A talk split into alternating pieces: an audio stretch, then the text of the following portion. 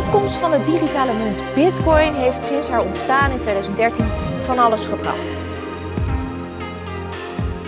Elke minuut of euro die we eraan besteden is verspilde tijd. Het heet monetaire verruiming, populair gezegd. De geldpersen worden aangezet.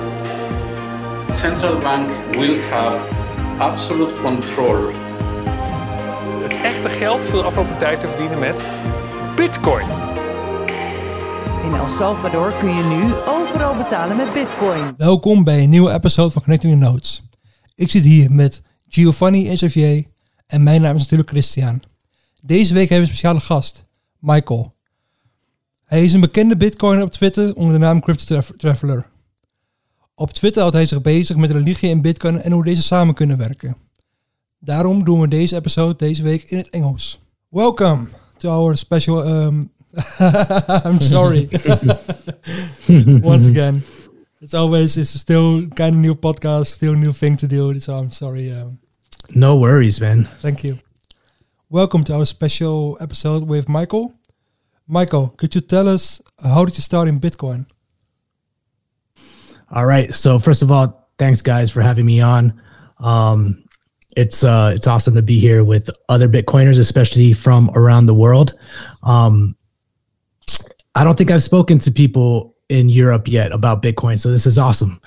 Um, as far as far as my intro to Bitcoin, it's it started primarily from researching the Federal Reserve. Um I graduated with accounting finance degree, and that was, I would say, late 2006.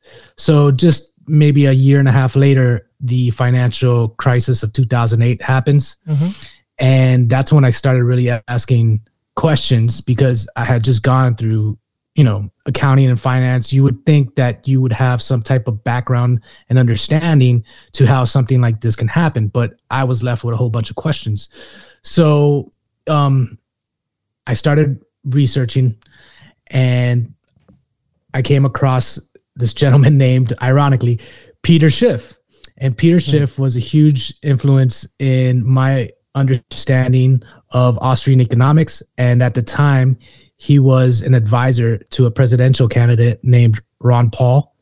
And immediately when I heard Ron Paul speak, I resonated with his message of liberty um, and sound money. And I continued to research about the Federal Reserve, um, got into The Creature from Jekyll Island by G. Edward Griffin, and I kind of really started to understand how our monetary system works. And I was shocked at how big of a scam it was. And I had a visceral reaction to it. I I immediately wanted to reorient my life to participate as little as possible with this scam. And so I started um, just, I would say, transferring my life out of the fiat system and into gold and s- silver. And I started stacking gold and silver. Um, and at this time, I'm also still um, I'm I'm I'm heavily invested now in Ron Paul and his presidential campaign. Um, I'm out there. I'm protesting against the Federal Reserve, and so you start to meet different types of people.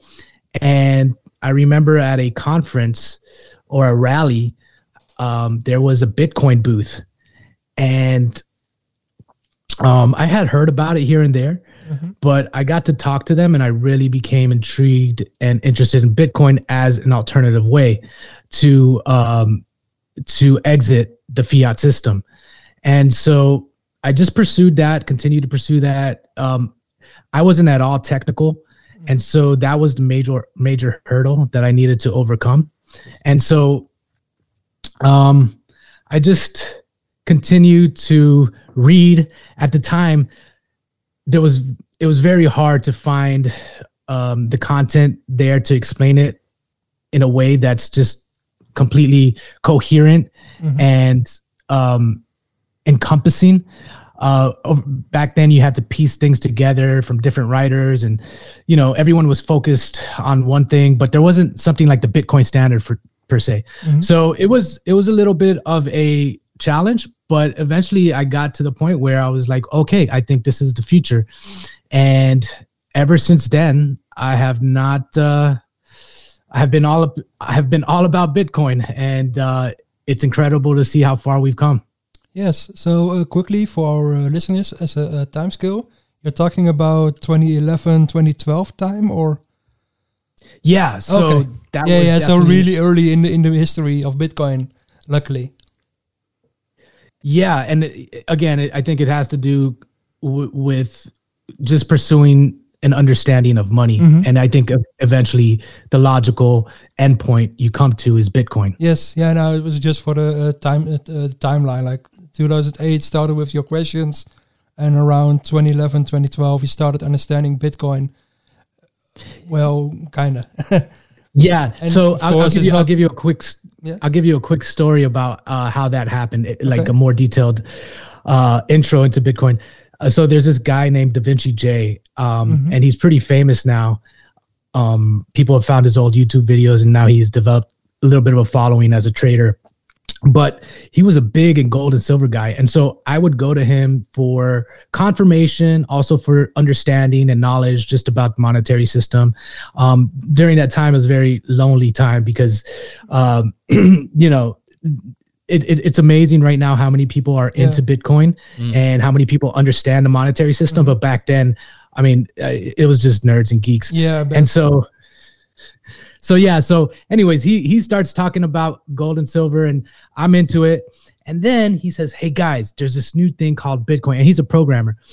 And I'm like, "What the heck?" I just learned all about the Federal Reserve. I learned about why gold and silver is sound money, and now you're you're telling me that I need to um, look into Bitcoin. I was like, I have no technical background or anything, so of course, like everyone, you resist at 1st Mhm. But he was persistent, and that's that's kind of what gave me the motivation to to look into it.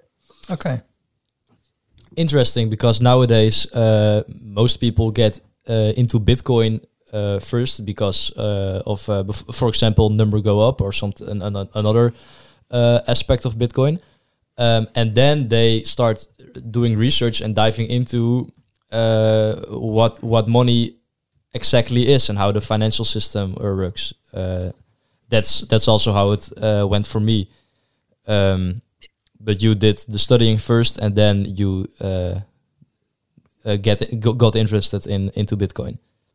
Sure, yeah, but I mean, I had my moments too where so the the way the markets work is that right, you have this like irrational exuberance, and then you think that well, I I would think that okay, this is it. The world is discovering Bitcoin. Um, you know, we're we're going into hyper Bitcoinization, and um, man, this is so great.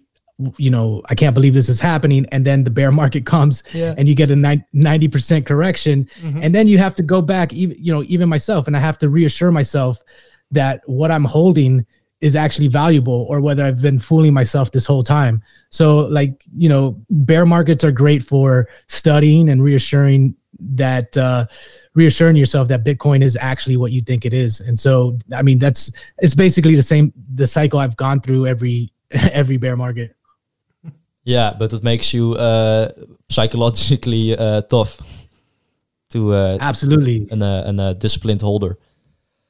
Um, yeah, uh, Michael. Um, uh, first of all, really awesome uh, you're here because, um, like I said before the before we started uh, recording, um, um, I've been looking, uh, I've, of, or I mean, I've been thinking about starting uh, networking with other uh, Bitcoin plebs on Twitter, but I haven't really started yet because um, in order to do that, I had to generate some content.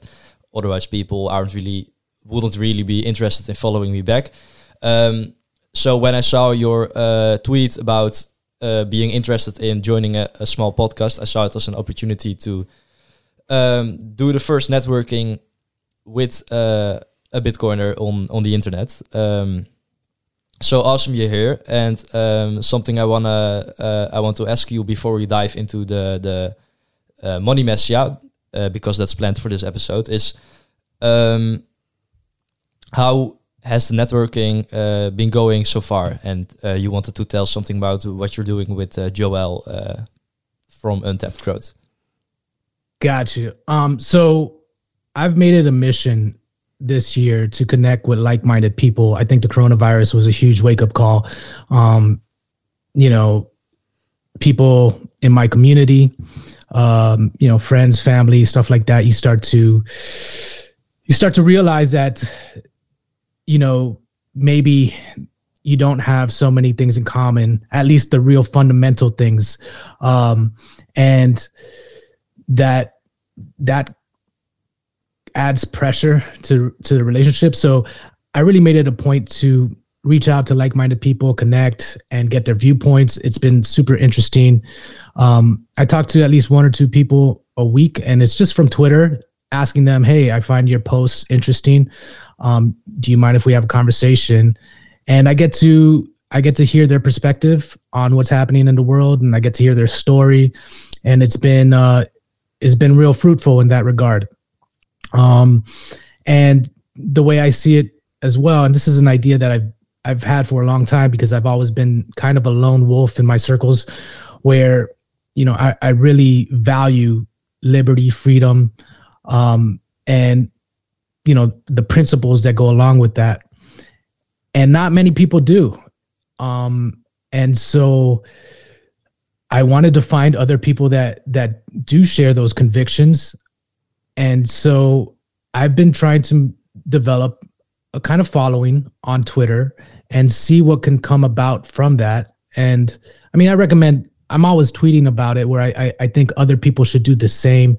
Um, and eventually, what's going to happen if we really want change in this world, I think it needs to come offline and come online, and we need to start community building and living around like minded people. Um, you know, for me personally, living around statists, especially during this time where they've been weaponized and they've been uh, given the green light to, um, you know, use their authoritarian authoritarian, you know, tendencies.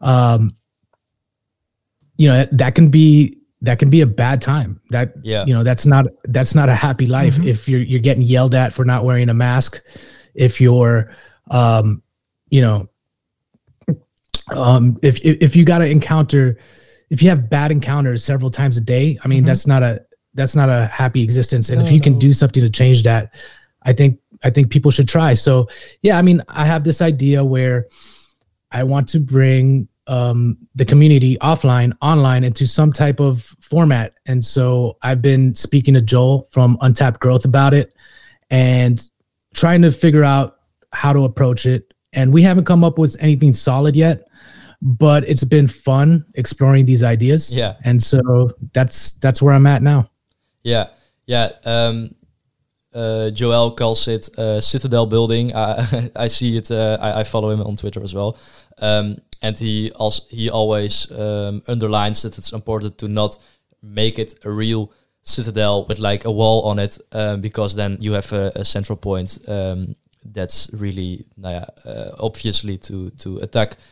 Um, but wait can you can you can you um can you go further in explaining that uh, as far as the like not making it a central point and are you saying to make it more organic Um, yeah, and and I, it's my viewpoint as well, but I haven't really dived into it like uh, probably you and Joel did. But um, for the listeners, um, uh, Untapped Growth, his plan is to make it kind of like a, a decentralized network of, of farms and people living in the countryside, uh, and um, so they live together. They exchange uh, goods and services with each other, but they don't really physically. They aren't neighbors. Um, that's his plan, right? Sure. Yeah, I, I think that that's that's. Um, I can't speak for Joel, but I think that's along the lines of of what people are thinking about, including Joel, is building this kind of parallel economy with like-minded individuals. Does that pretty much Yeah. sum it up?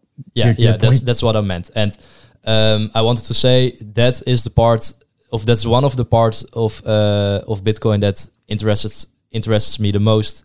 Um, because I also have, I really have that uh, urge to live with uh, like-minded people, freedom-loving people, and uh, getting a little bit more uh, self-sufficient. And I feel like um, Europe um, it could be a really great place, but I think the coming years it isn't.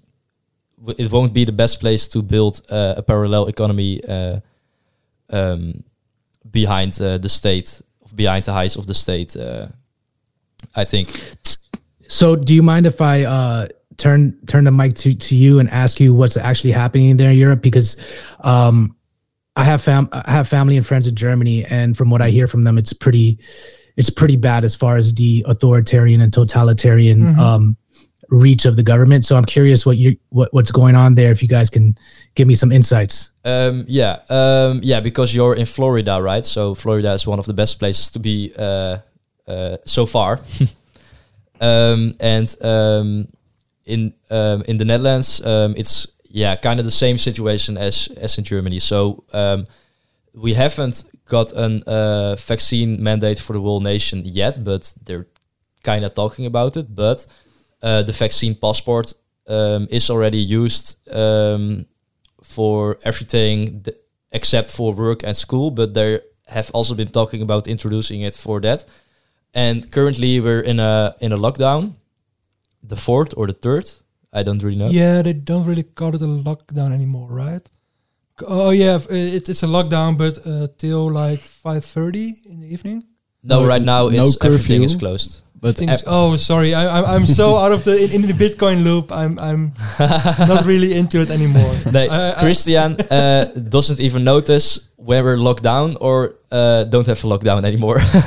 No, sorry. it's just the last couple of week uh, weeks I've um, been busy with work and new work and everything. So uh, the only place I went was to the shop, to the um, convenience store, yeah. and uh, those are still open. So I'm Yes. sorry. so uh, you, yeah, no, no, no problem. but but currently we're in a lockdown, so gyms, schools, um, uh, stores uh, are all closed, and actually everything is closed uh, except the essential stores for food and for uh, health. yeah, and um, what I'm also, but but those are the measures taken by the government. But what what makes it more of a bad place currently is um, how, in my eyes, uh, how many people are supporting uh, these policies, and that's uh, that that is what's going to make it hard to to live here, probably in the coming years, because. Um, for example, in Austria, they have uh, they have been talking about, of they're in uh, in a month they're going to introduce the mandate for the whole country to be vaccinated or get it, get fined. Um, and when you don't pay the fine, you can do um, yeah I don't know how you do call it in English, but Uh, you have to do a compulsory uh, working for the government. yeah exactly yeah yeah so like uh, picking up trash. Um, but the thing is, before they uh, made it uh, the punishment to do the compulsory work, they talked about uh, jailing the unvaccinated. Um, so the fact that that these kinds of policies are already uh, talked about in our European parliaments, um, yeah, pretty bad. But um, so far, I have been having a really good time because um, um, I train at the at the gym that just uh, put all their equipment outside, so we can just train outside, and that's kind of allowed. It's a gray zone in the in the law.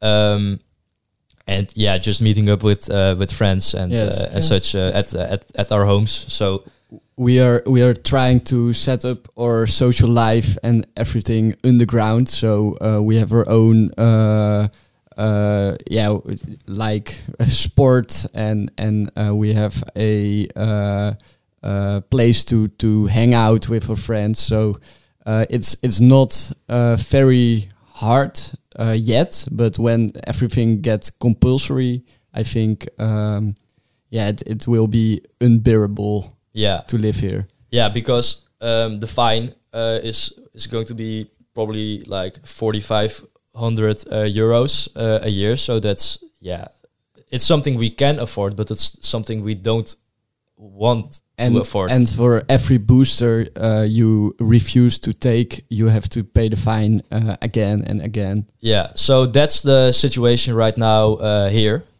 So uh, did I inform you enough, uh, Michael? Yeah, man, that is incredible. I mean, my heart breaks just hearing about that. I can't believe how far civilization, human civilization, has shifted towards totalitarianism, and Yeah. it's like literally a nightmare. Where you have to get literally these experimental injections or or face fines and jail time and just making your life excruciating hard excruciatingly hard. And that's just i don't I, I i mean hearing what you guys are going through it's just i you know i pray that it doesn't come here to florida but honestly i think this is this is going to play itself out everywhere and the people are going to have to uh, they're going to have to find a way around it or resist but like you guys said it's really disheartening to see how many people are just going along with this agenda Mhm. and damn man that's it's just crazy Yeah, but uh, uh, I would like to ho- uh, to uh, add, uh, add into this conversation. Like the first two lockdowns, everyone was really um, in line with the government, and you're seeing seeing more and more that people are starting to resist it. Not a lot, but like small Yeah, percentages, yeah. they're starting to. That's true. they- They're starting to rebel. Hopefully, they will rebel uh, quick en- quickly enough to make Europe again a, play, a great place for a citadel. But the problem with that, the people that are supporting uh, the policy are also getting more auto- authority, uh, getting more supporting of policies Mhm. that, that were unthinkable like even a year ago. Yes, so there is a lot of polarization between the vaccinated people and the unvaccinated people. So that's uh, above the the policy. That's another issue. Uh, yes, uh, right now. and the government is the government is pushing that uh, that polarization would you say Yes, absolutely. They uh, they want uh, that the people are uh, busy with with uh, hating each other instead of uh, viewing the bigger picture. absolutely incredible and um, predictable as well too. Yeah. Um, this is just the this is the totalitarian, you know, march that they they that they do, and it's a slow process, and you know they ha- this is just history repeating itself in a lot of ways. Just you know, it's it's it's the same framework but different situation, and um, you know, I I've been waiting for something like this for a long time. You know, I've been in that. Uh, you know, w- once you understand how the money system works, and you realize that there's an endpoint, and you, you kind of figure out real quick. Well, you know, they're not going to just let that collapse. They're going to find a way to maintain control, and it's usually with the heavy hand of uh, government. And so I've been waiting for this for a long time, and um, it's incredible just how predictable this all was and how um yeah and then if we follow this out to the lo- logical conclusion i mean eh, things can get very ugly and scary here in the next few years Yeah. um let me let me ask you eh, as far as the sentiment from people do they not recognize the similarities to this in like the 1940s over there in europe No. No, that's a really a Re- really controversial yeah. topic. Uh, it's a here. really touchy subject. Uh, yeah. um, especially because most of Eu- yeah all of Europe has been has been through it, so I understand why it's it's uh, touchy. But um, um, when yeah, it's it's not allowed. Yeah, it's pretty much not allowed Yes. to even talk when, about when uh, somebody on TV uh, talks about uh, this comparison between the Jews uh, in in the World War, uh, they get public uh, shamed uh, Yeah. on TV, and yeah, it's it's just not allowed uh, to talk about that. Um, something that's also going to sound probably really authoritarian uh, to you um, is uh, a politician um, um, in our country. Die he lost. Uh, uh, wat is een rechtszaak? Uh, a lawsuit. A lost, lost a lawsuit um, because he uh, posted on Twitter the different types of comparisons between uh, ja, World War II and um, these times. And um, Christian, do you do you know what what was the outcome of the lawsuit? What did he have to Uh, do? he lost, but I, I, I don't know the details. yeah, well. I know he had to delete his tweets and he had to apologize, and so Mhm.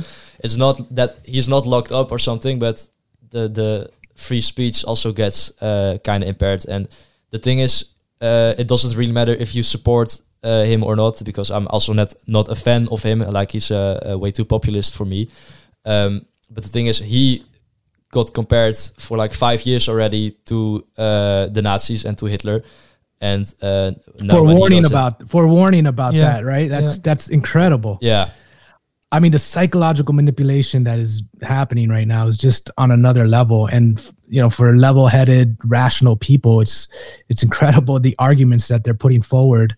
Uh, and yeah, I, mean, this is just what they do. They they pervert the truth, right? Everything uh, is inverted, and where you can't for a for a person who's never conf- been confronted with t- this type of um, psychological manipulation, it's hard for them to make sense Mm-hmm. of what's true and what's not, and so they just revert to, uh, you know, to that voice of authority, and that voice of authority is leading everybody towards a very dangerous path.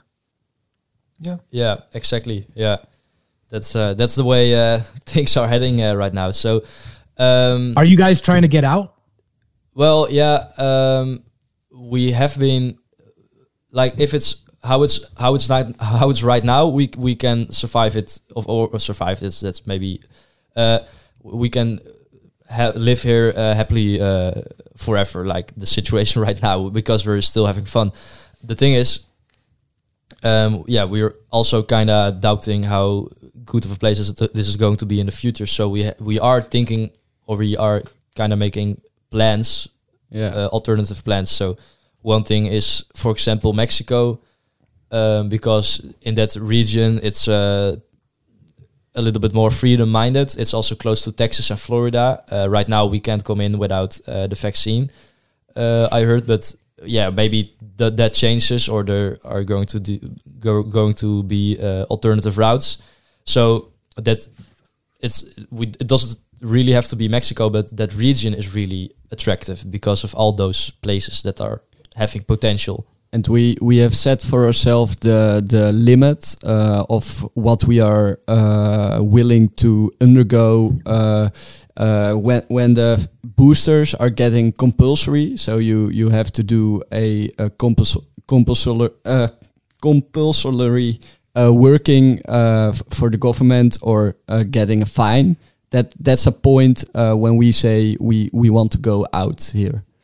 Yeah. Yeah, And, that's uh, very that's very important. That's what I tell a lot of people as well. It's like, what's your line in the sand? You have to know it. You have to define it because if you if you don't, you're going to be pushed and pushed further uh, to a point of no return where you have no ability to resist whatsoever. But if you define your line in the sand and you say, "Hey, that's as far as I'm willing to go," um, that gives you that gives you something to act upon. You know, as Yeah, opposed to just an, uh, ho- oh, wi- wishful thinking. Go ahead. I'm sorry. Yeah, now it's more like an anchor point. Like this is my uh, point where I, I will just keep it. I don't have to think about it about new um, new information and stuff. You just think this Yeah. is what this is. This is it. I've put it down. It's good. Yes. Yeah. Because- Just keeps a p- peace of mind. Yeah, they, mental they are, clarity. They are silently pushing uh, everybody's um, Overton window because one year ago, uh, when you told us uh, there will be a curfew, nobody would believe it. And now, if they would uh, introduce it again, uh, nobody thinks it's it's strange or something. So uh, yes, ev- everybody gets used to it, and we are slowly accepting more and more. Um, yeah, Yeah. Um, before we dive into uh, the article, um, I want to ask you. Uh, I want to talk about one more thing, Michael, with you, um, because currently you're in Florida. Uh, Florida, like Texas and uh, I believe Wyoming and and other uh, similar states, are right now probably the best places in the world to be. But um, like you probably know, Florida also al- already did introduce the digital ID. Um, that ties in, I believe, the driver's li- license and some health information, and um, it's probably going to be used for uh, social media logins. Um, so, how much faith do you have uh, you are going to be all right in Florida? That's a good question. That's a good question. I mean, everybody's facing these tough, tough questions now because things are changing so rapidly and so fast. Um, I haven't, I haven't really assessed the situation, but I can go ahead and give it a try right now. Yeah. Um, right. What we got going on is we have a very politically strong governor who's on the side of liberty and freedom. or at least it seems that way. Um, we have the northern part of Florida, which is pretty red, and as you get south, it turns a lot. It turns a lot more blue, but there's still a lot red there. And when I say that, I just say there's the blue side is more so leaning towards um, the heavy hand of government to solve the world's problem. The red side is more leaning towards freedom to solve our problems, and we'll deal. You know, we'll deal with whatever it is that comes um, in our own way without the government's help because it sounds good, right? It sounds good. Hey, the government come in to solve the problem, no problem. But in reality, it never turns out that way. So I would say this state is a mix between red and blue. And it's going to be interesting in which way it goes this election cycle. Um, I think it's going to be a good indication on how free this state is going to be and how, how much resistance the state is going to have towards this kind of push that's being done by the WEF and the international, you know, uh, conglomerate of or corporate conglomerate conglomerate and the uh, and the globalist. We'll yeah. see. Um, I, if you had to ask me now, I'm 60 40 that this is Florida is gonna is going to cave in the next two to four years and that it will fall because we are the, the changes happening here are incredible. It's the number one state as far as incoming c- citizens from all over the United States, and that changes the culture. Yeah, drastic, drastically. And a lot of these people, you can see it, you can feel it. They bring their COVID culture with them. They got the masks, they got the hand sanitizers, they got the whole fanny pack. They're like, you know, COVID warriors in the grocery store. and it went from I would say uh, 40 60 being in favor of those that are not masked and just living their lives to now we've been kind of overrun. And you go to the grocery store and you're very much aware that people are still living their lives based off of this narrative. And um and it just reinforces it over and over and over again. So it's going to be interesting how many of those people stay from out of state uh, versus go back. Usually they come for the winter and then they go back. But I, I think because things are so bad back home, they're going to end up staying. And that's really going to change the dynamic of Florida. And so it's just a wait and see. Um, right now, my strategy is just to keep my options open um, because changes are happening so rapidly. Yeah. And, you know, um, I'm thinking about my line in the sand as well over here. You know, um, I don't think I would have been able to last if we had some of the restrictions that the rest of the country and world is seeing.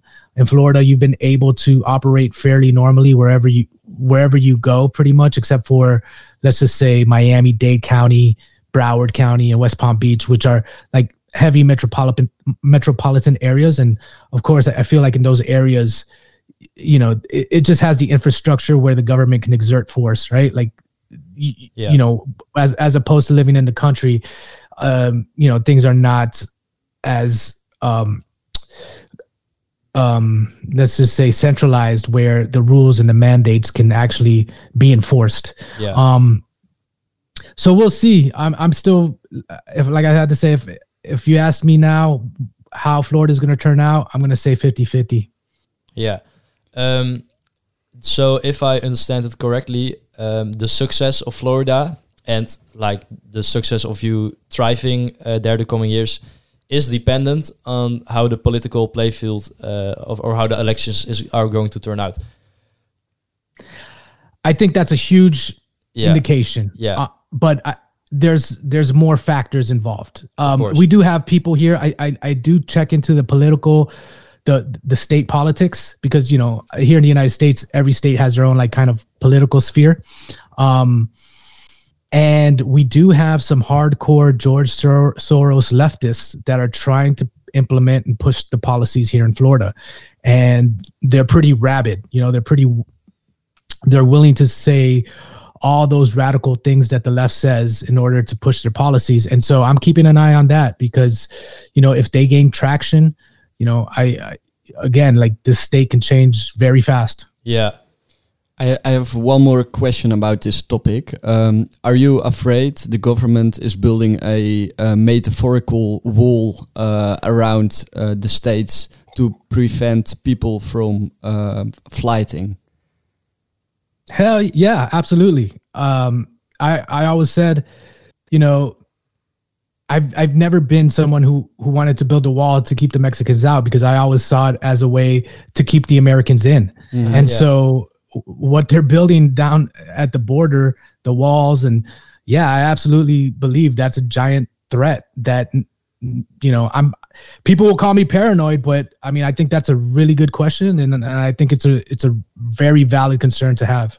And do you think that uh, the boosters can play a role in in this? Yeah, right. So what do governments want to do, right? They want to localize people uh, to a certain geographic region so they can implement their controls. And, you know, of course, the booster is a way for them to always, um, let, I'm trying to think of the word, but it's a way for them to always request your compliance. And if there's any time you fall out of favor with the government, then you know they have their social credit score system that they could implement and make your life a living hell. And so they're always trying to get you to submit to their authority. And I think that I think that the logical way that this goes is that they're going to push as far as they can. And you hear the rhetoric now being toned up big time by governments all over the world. And I put out a tweet the other day that said something along those lines where, you know, when the narrative starts to fall apart and people start asking questions and the truth starts to be revealed, that's when governments become dangerous because they will resort to their authoritarian force in order to maintain control. And so I think it's a valid concern for anybody right now around the world. Yeah. Um, something else that gives me hope in these times is how big of a capacity does the government really have with enforcing authoritarian measures uh, for nou ja, the whole country or, or the whole world? Um, because um, our police force actually has been uh, underfunded uh, for a really long time. And um, I feel like the government is more depending on um, like how uh, it's how it uh, happens in uh, China right now um, with um, enforcement um, by citizens. So citizens check checking each other's um, uh, uh, vaccination passports because of social factors. Like it's just a thing you suppo- you are supposed to do to be a good person. Um, I feel like that's more the uh, the card they play than if then then they have really serious plan to uh, enforce the measures with with violence because um, it appears to me and I correct me if I'm wrong and it probably depends uh, on where you are in the world that the capacity of violence is not that big. And so it depends on how how bad we as the population wants to enforce this on each other. Yeah. So, oh, by the way, right? Like, um, I think Giovanni invited me here because we wanted to discuss John's yeah, article. yeah. I just want to make sure it's. I did not write that article. It's Oh. it's a beautiful, well written article and a masterpiece, but uh, I had nothing to do with it. Okay. Um. s- So, I agree. I I think that totalitarianism, um, is only works if the citizens cooperate with the lies and cooperate with the force. And without that, the government cannot, they're not going to be successful in carrying out their control grid. And so that's another reason why you kind of want to live around like minded individuals, right? Because if people are resistant to the narrative and to the lies, um, you know, I think that you're going to be a lot safer in your day to day interactions as opposed to if people are a lot more willing to carry out the government's edicts. And so, yeah, I mean, I, I agree completely with you. And, um, and I think that's just another reason to find like-minded individuals. Yeah, yeah, indeed. Okay. Um, yeah, uh, we can uh, talk about this for hours uh, probably. So let's uh, wrap it up here um, and dive into um, the article Money Messiah um, God, Bitcoin, and the Evolution of Consciousness by John Fellis. Um, I don't know who uh, John Fellis is. Uh, is he is he active in the community or did he just write this article? Do you know him? Yeah, so I've met John now several times, Mm. and I think he's a great guy. And he's actually, so you know how they say Bitcoin changes you. Yeah. Um, I think, I think that's really, really accurate, and it's happened with me. And you start to go through these thought processes and these revelations about not only your life but the way society works, and you know, as your time preference starts to shift, you start to behave differently, you start to value different things, and slowly you become aware of it. And so John Vallis has been um, instrumental in me understanding that process. And a, a lot of times, the stuff that he says is just articulating my my intuitive thoughts, you know, and and bringing me to a point of clarity. So yeah, um, if if you don't know John, he's he's really big in the Bitcoin space, and uh, I think he provides a, a ton of value and insights um, for for anyone kind of exploring these ideas of of consciousness and um, and how money relates to all of that. Interesting. Yeah, I've um I started following him on uh, Twitter right now, and uh, yeah, I'm going to uh, look Uh, into what's him. his handle? Um, his his handle is let me look it up. Um, at John K. Vallis. For the listeners, if you want to read uh, more about him, you can always find him on Twitter. Hey, so I'm curious, how did you how did you find out about that article and what what wanted you to what prompted you to reach out to me to speak about it if if you didn't know of John? Uh, well, I didn't uh, discover the, the article by following him, but yeah, may, maybe because I've been following you for maybe two, three weeks or something. Maybe it was you uh, who posted it on Twitter or someone else. Uh, but but I it just popped up in my timeline and I uh, I uh, opened it opened it and I read it like two days before I contacted you.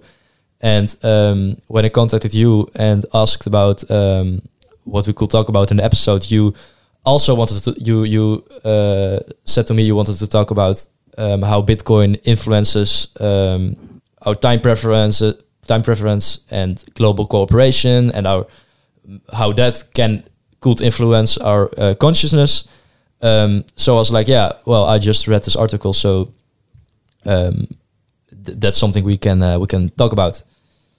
Awesome. Cool, cool. Yeah, I just wanted to see how we put that together because I was surprised you didn't know about John beforehand. Oh, so yeah, yeah. Well, yeah, just uh, popped up. um, yeah, Michael, do you do you know how we can uh, start? Is there something you wanted to to tell uh, about this article, Um, okay, so or or can or should we introduce it? No, I, I think we could just. I mean, I'm cool to just talk about it uh, uh, off the hand. I mean, for me, it's just a matter of exploring ideas. I don't have anything concrete or kind of uh, revolutionary to say about any of that stuff. It's just more having a friendly conversation about some of the ideas in the article. I'm I'm totally cool with that. And so, if you wanted to just start off with, uh, you know, what it was about this article that you found insightful or that I found insightful, I'm really I'm I'm really happy to start there. Okay, yeah. Let's let's start with uh, what what what was your biggest insight you gained from this article? Okay, so I guess I'll just say that it was definitely a heavy read for me. I don't normally um I don't normally read stuff that let's just say um, dense and abstract. N- not to say that that I don't want to take anything away from the article, but it, it's it's hard for me to to read something like that because I have to unpack it and find something tangible to relate it to. But in this, I, I put in the work because I know uh, I know John's really insightful and smart, and so um, I put in the work, and that's where I found that that unpacking is where I gained the most insight and understanding to to the ideas in this article and my own life. And so it was really an, uh, um, a fun exercise for me to do. Um, I appreciated, you know, John mentioning how Jordan Peterson spent. Um, I mean, he spent uh, years, I don't know how many hours on each sentence rewriting it and writing it, making sure he had the right words. And so that made me really push through and get through the article because I was like, man, if Jordan Peterson spent the time to do this, you know, the least I can do is spend the time to try to understand what he's trying to convey. Um, so that was that was cool. Um, I really like the idea of value hierarchies and how everyone has a God, and th- that God is what sits on top of your value hierarchies. It was a good framework for me to understand the motivations of people, and um, and it was just, yeah, I, I I I found that very valuable in my understanding, let's say of of of how people interact with one another. And when there is a distortion in the market let's say through fiat currency how those value hierarchies which would normally be expressed now get overrun by those closest to the money printer. And so their value hierarchies get expressed in the market uh, instead of like let's just say a collective um Yeah, the natural emergent uh, uh, value of us all. yes Yeah. exactly Okay. Um, uh what about you yeah, uh, the thing, the, the the part that resonates resonated with me the most was uh, the part uh, where he describes like um, in every major religion uh, there was a, a messiah uh, figure, and um, the messiah was the the yeah I believe the correct English word is the embodiment, uh, right? The The embodiment of the yeah, you're correct. yeah, yeah, of the, the values. of the values, uh, and those values are the values that um, allow you to um, navigate reality in a way that's in perfect balance with uh, individual interested interests and um, those uh, um, shared uh, by the environment. Um, and when I first read that, I, I I had the same experience as you with some parts that um, when you read it, it's kind of abstract. But um, a common example um, that I connected it with was, for example, like when you live uh, uh, 2000 years ago, when you uh, uh, copied the the values of Jesus, uh, it meant um, some self improvement, but also doing being good for the community. Um, 2000 years later, in 2022, uh, when you copy the values um, that are that match with Bitcoin, so um, freedom, truth, um, personal responsibility, and um, you live in that way, you live in a way that's engaged uh, most with, uh, or, or is most in in line with reality. Um, and a side effect is that that you take personal uh, responsibility, and that means you start improving yourself. You have to uh, look into your own health because you want to, you don't want to be dependent on, um, for example, pharmaceutical companies or hospitals uh, and that uh, kind of stuff. So that means when you start focus, focusing on your health, uh, you dive into how what you need to be healthy, and when you have a family, when you have children, um, they also learn from you how they um, get healthy. So in that way, self improvement um, influences your environment in a positive way. And another side side effect of getting healthier because of personal responsibility um, is you have more time and energy to help others. So um, in that way, um, and and Bitcoin right now, but but just values like liberty and freedom and personal responsibility um, allow you to perfectly balance uh, what is best for you and how and what's also what's best for the community. So it punishes uh, yeah parasitive behavior like the the, the fiat uh, masters, uh, but it rewards uh, good behavior in that way. Yeah, absolutely, absolutely. So I, I, I totally relate uh, to to that. I mean, there were so many good things. I really appreciate how John revived um, the significance of the Messiah figure and of God. Um, I think that you know I th- the way he he mentioned it is that you know it's been a major force for propelling humanity forward, and the rationalists or atheists just seem to discard it as it's just some type of you know gimmick that humanity had come up with. But what what i came to appreciate is that these myths they carry a lot of meaning in them. And you know for hum for humans perhaps it was the way in which that knowledge could be transferred through time Yeah. and that I found I, I- really appreciated that perspective as well.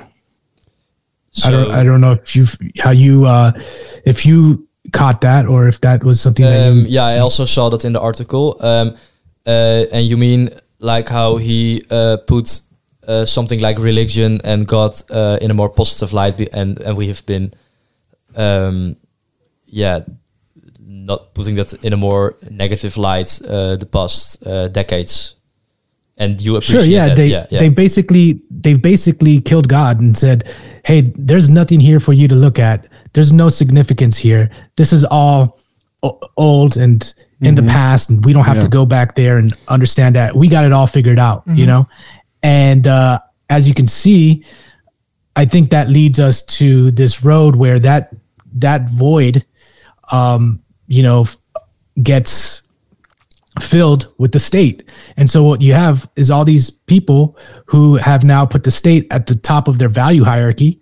And when the state goes rogue, um, they're all being misled and they have no way to push back against you know s- some of the lies and some of the places in which the state is taking them to.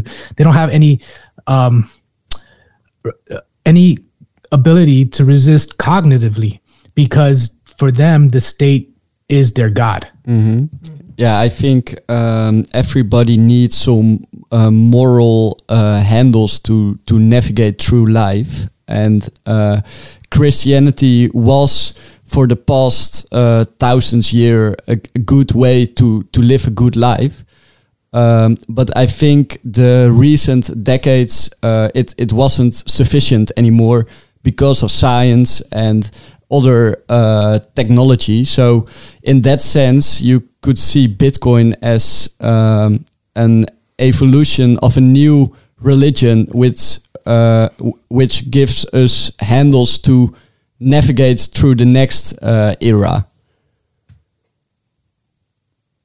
Yeah, I totally see that as well. I've tweeted that before where because there are certain values uh, that are embedded in Bitcoin's design or are just an emergence uh, of, of Yeah. Bitcoin's adoption, um, that those that we could see a religion form from it, like as far as people adopting certain rituals, like we just had proof of keys, right? um, you know, where Bit, Bitcoiners were supposed to take their keys off the exchange in order to, you know, stress test um, these these exchanges and make sure that there's no fractional reserves. Um, yeah, let's make that a yearly yearly uh, worldwide uh, thing uh, in a few years. exactly. So you know those those practices which can reinforce the integrity of the network and therefore Bitcoin's monetary principles I could see being ritualized in some sort of fashion. And um, I thought, yeah, I, I definitely thought that was a, a, a very interesting perspective. And I had never really looked at religion in that regard, where it's like, you know, adding myth uh, to rituals in order to preserve that which is good. Yeah, and and it's it's an innate need of us humans to uh, to develop uh, rituals, um, and um, whether you're an atheist or an or a, a religious uh, religious person, um, yeah, rituals just just yeah keep can or, or or are powerful enough to keep you sane in an uh, insane world. And what I also really appreciate in the article is how it appeals both to atheists and reli- religious people by um, um, explaining the valuable parts from reli- religion and also dismissing uh, uh, the dog the dogma uh, uh, and the the the like everything uh, the Catholic Church uh, uh, does, but just the pure essence, the the moral guideline guidelines it provides. Um, and there's no one who I think there's no one who can doubt uh, that that the positive part is of, of the of the po- positive influences of has been of a, a religion. Sure. Yeah. And um if so I really like the idea. I'm I'm, I'm gonna I might um take us on a tangent here, but it's still within the framework of, of the article, but it's just a different subject, I think. But the idea of like our value hierarchies being expressed through the money, and then when we use that money in a free market, that there is some type of order that emerges as all our value hierarchies compete. And out of that, some type of a divine order or some type of truth starts to emerge. And that truth brings us closer to what is actually God. And that idea of money or of like our consciousness being extended through the money um, made me think of money in general, right? But you could also say Bitcoin as something very spiritual. It carries the essence of our soul, of our consciousness. And if that is corrupted, right? Um, then our connection. So if we think about the value hierarchies driving our or motivating our actions, okay, and at the top of the value hierarchy is God, um, and money is just um, an extension of that consciousness. So then there is a link between God and money, right? And if that link is corrupted, then um, then our connection in a way to God is corrupted. And so from that, you could imagine that, well, suffering or um, societal decay would emerge because we've lost and severed that link um, because our money is now corrupted. Not only is it corrupted, but it's actually used, it's rerouted to do evil. So the money gets siphoned off by, let's just say, people who have a different hi- value hierarchy. And let's just say their value hierarchy is wealth and power. And if they have control of the money and they siphon off all of our, um, basically, you know, all of our life force, which is like the way I see it is time and energy. Yeah. And they're able to siphon that off and then reroute that for their own um, selfish purposes, which are extensions of their uh, value hierarchy, which are wealth and power, despite you know whatever pain and suffering that they cause. Then we kind of get into this world where we're at right now.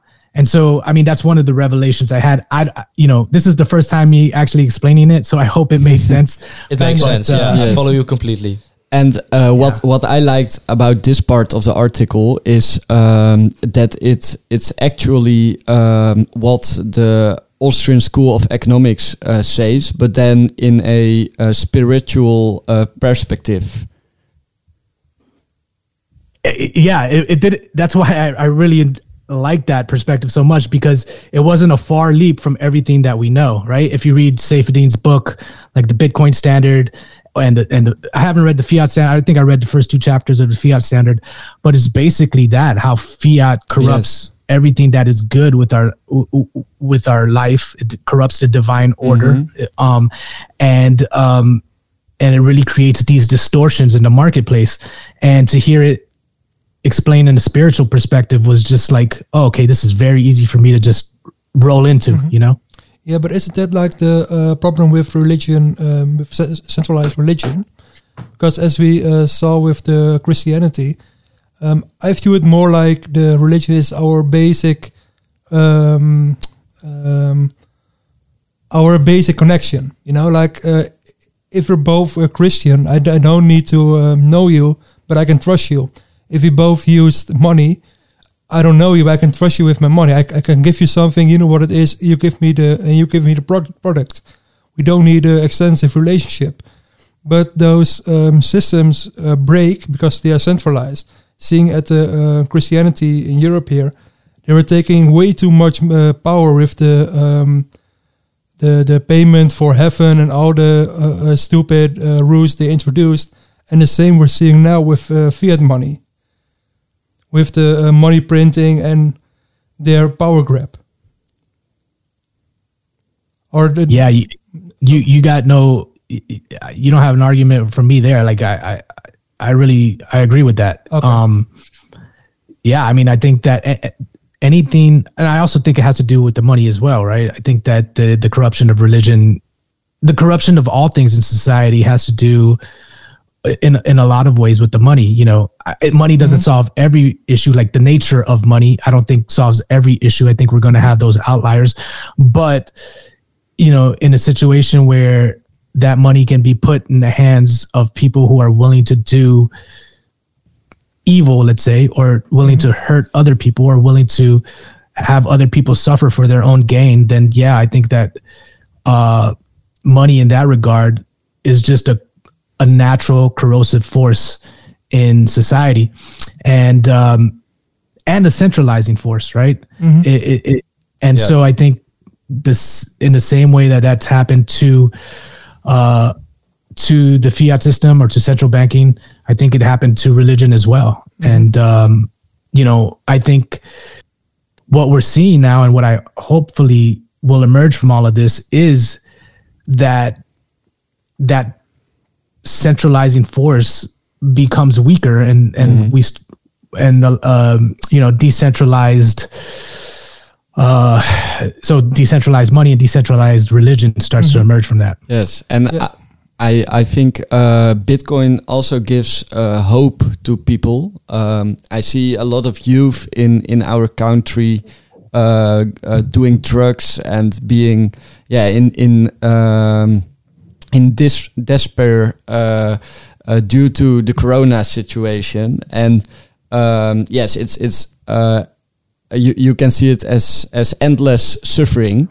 Uh, but I think we we Bitcoiners uh, see the bigger picture, and uh, that that gives hope for a better future.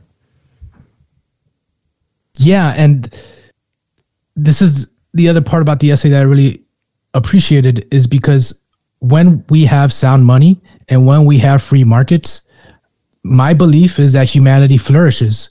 And a lot of the suffering that we see in the world will be alleviated because I think what will emerge from our value hierarchies competing is the rise of some type of divine order and some type of goodness.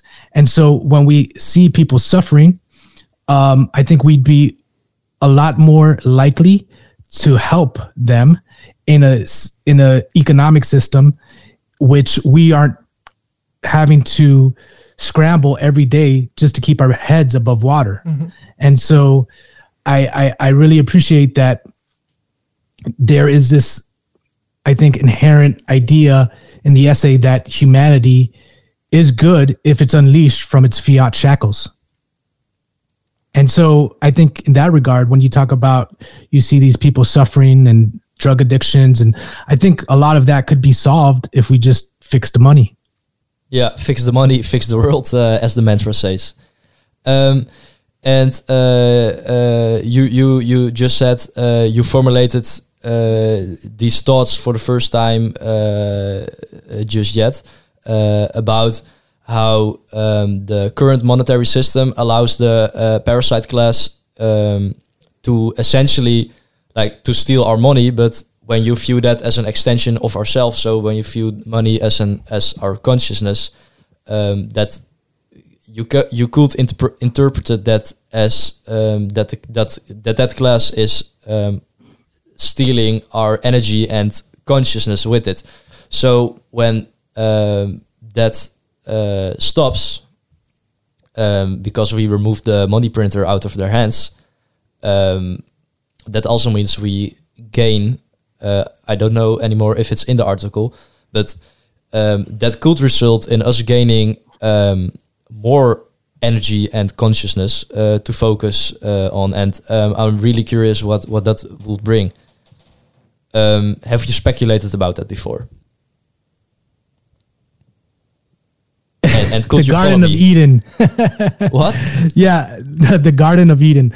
I, I, you're saying what emerges from that, right? Like when when we regain uh, our our, Yeah. our consciousness uh, from you know from the parasitic class, right? Yeah. And we gain, regain our energy from them. Uh, what comes about from that? I, I just I, I I I can't help but think beautiful things come from that. I'm a believer in humanity. Yeah. And um, I think that, you know, again, like divine order emerges and I think it's going to be beautiful. And I could see why having that viewpoint could lead people to, to then say, hey, why don't we make a religion out of this? Because if this is the vision that we see sound money bringing and Bitcoin is the path, we need to make sure that we keep this alive and keep and, and fight for it because um, because the world that's going to emerge from it is going to be beautiful. And um, it's going to free humanity from from the shackles of evil in a lot of ways. And so yeah i mean I- it's it's it's a really fun thought to play with and to go down. Do you do you think uh, a normal religion like Christianity uh, can exist uh, together with believing in Bitcoin, or do you think when you uh, see Bitcoin as religion that you have to give up uh, your old religion?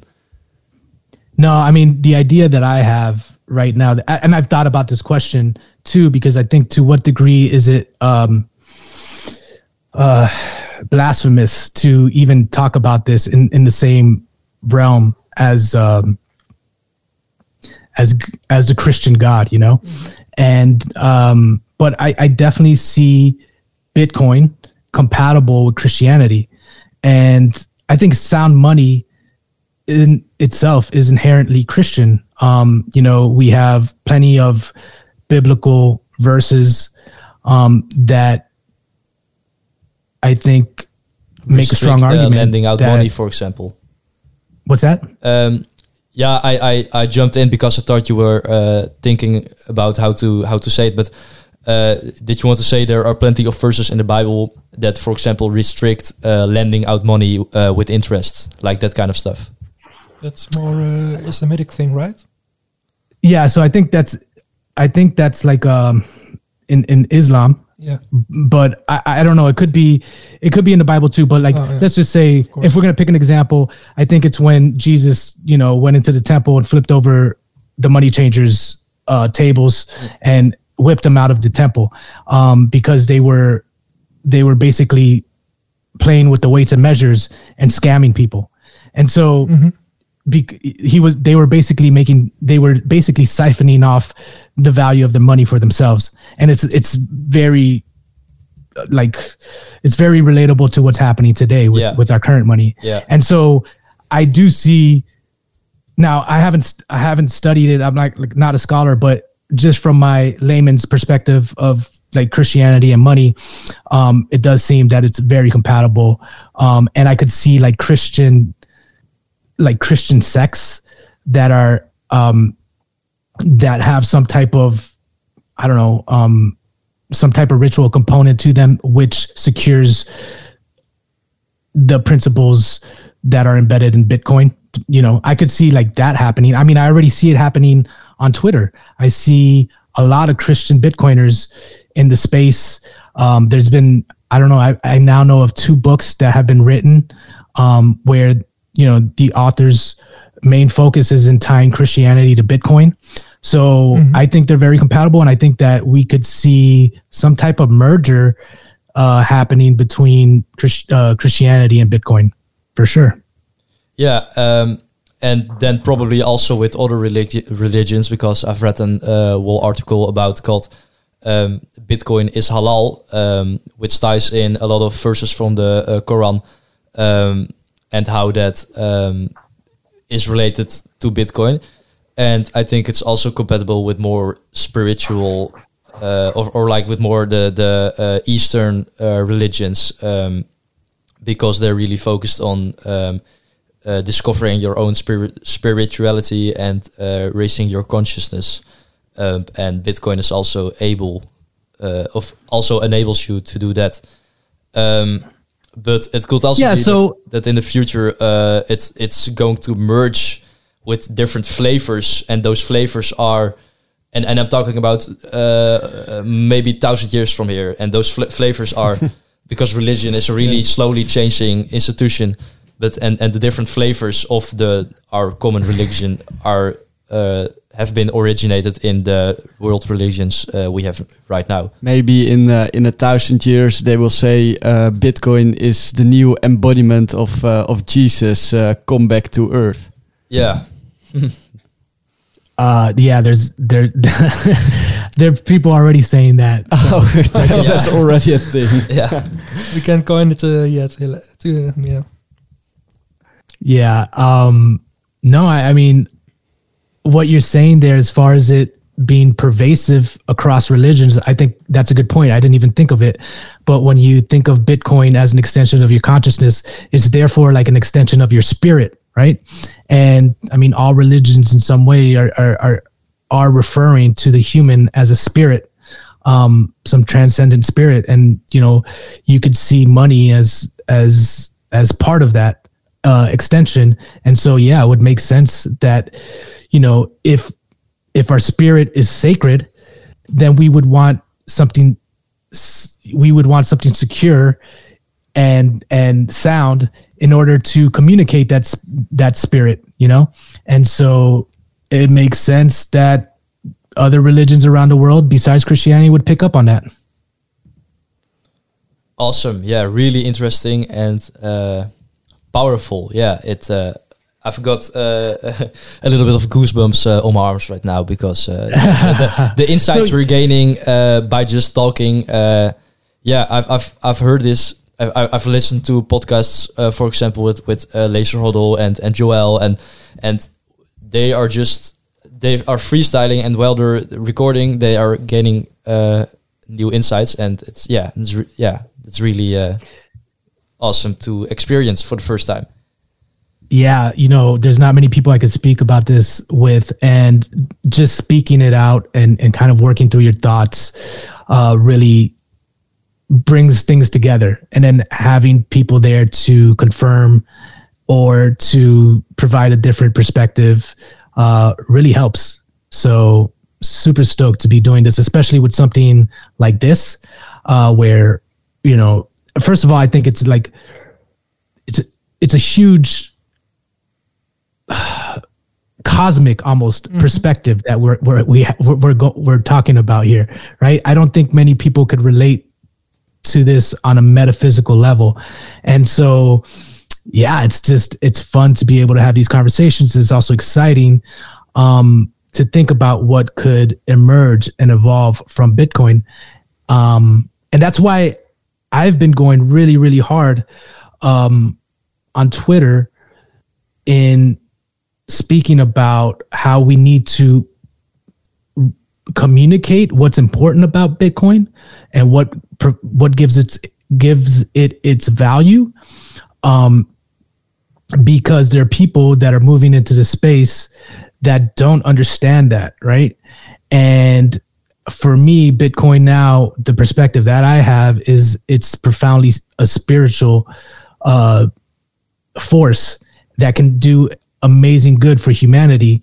And so I've really kind of been jumping at the Marxists moving into the space because I almost see that as like the antithesis of what Bitcoin is and what Yeah. Christianity stands for Mhm. as well in, in both realms. Um, you know, did the, the Marxists they look to like they look to dismantle um, systems that they get into um, in order to reshape it in their utopian vision.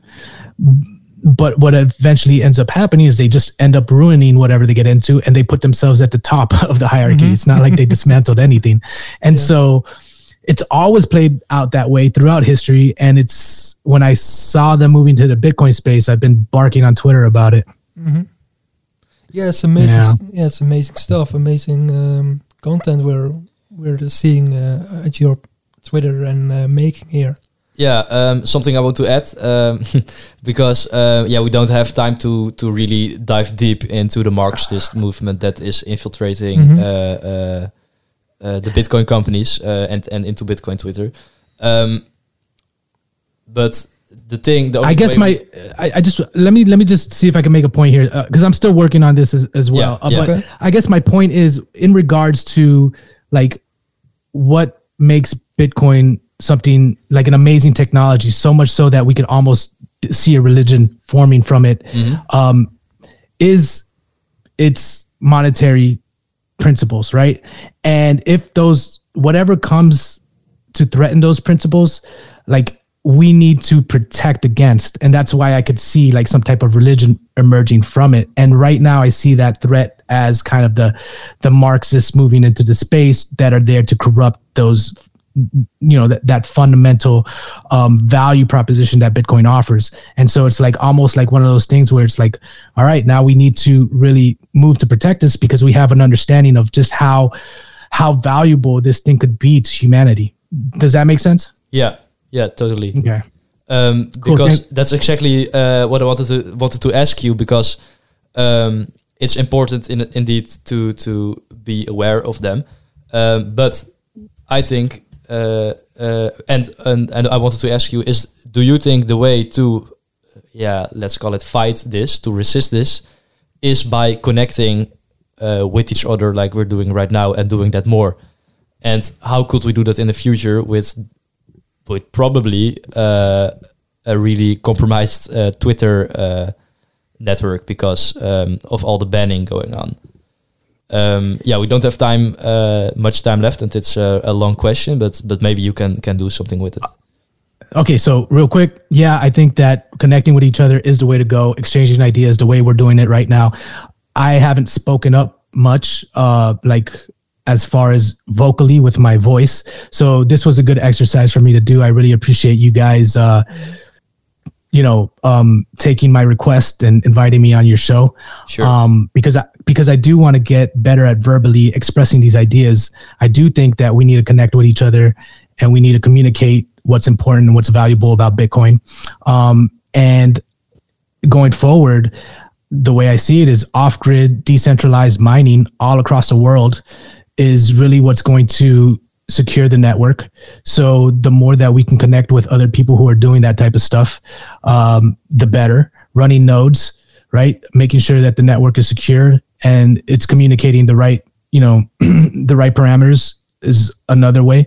Um, and then just, you know, continuing to focus on the ideas and refining um, what makes Bitcoin important and valuable, I think are all, and then educating people about it are all the methods that we could use in order to resist whatever forces are out there looking to take Bitcoin down. Yeah. So make the network so resilient it doesn't even matter what the the Marxists Marxists are doing with the with the network.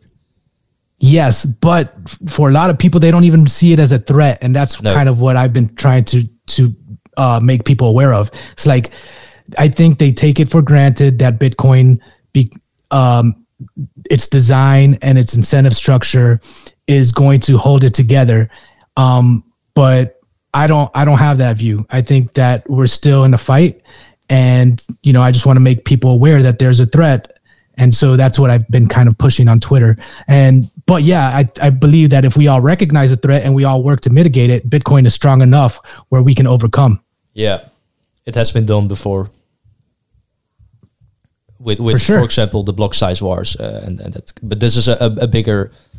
Uh, Yeah. So, but with the block size wars and S2X and all of that, like they had to rally the troops. Like Twitter was a war zone. It was, Yeah. I, I mean, it was straight fire. They made hats. There were campaigns. People were ru- running mining operations out of their garage. Like, you know, they really like the Bitcoin maxis really came out in full force to defend the network. And you know, as we see Bitcoin become further centralized, like mining has moved from China and is now in um, here in the Western Hemisphere, right? And it's under, so it's now more geographically concentrated. Um, and now it's also becoming corporatized. So it's falling under this like regulatory umbrella.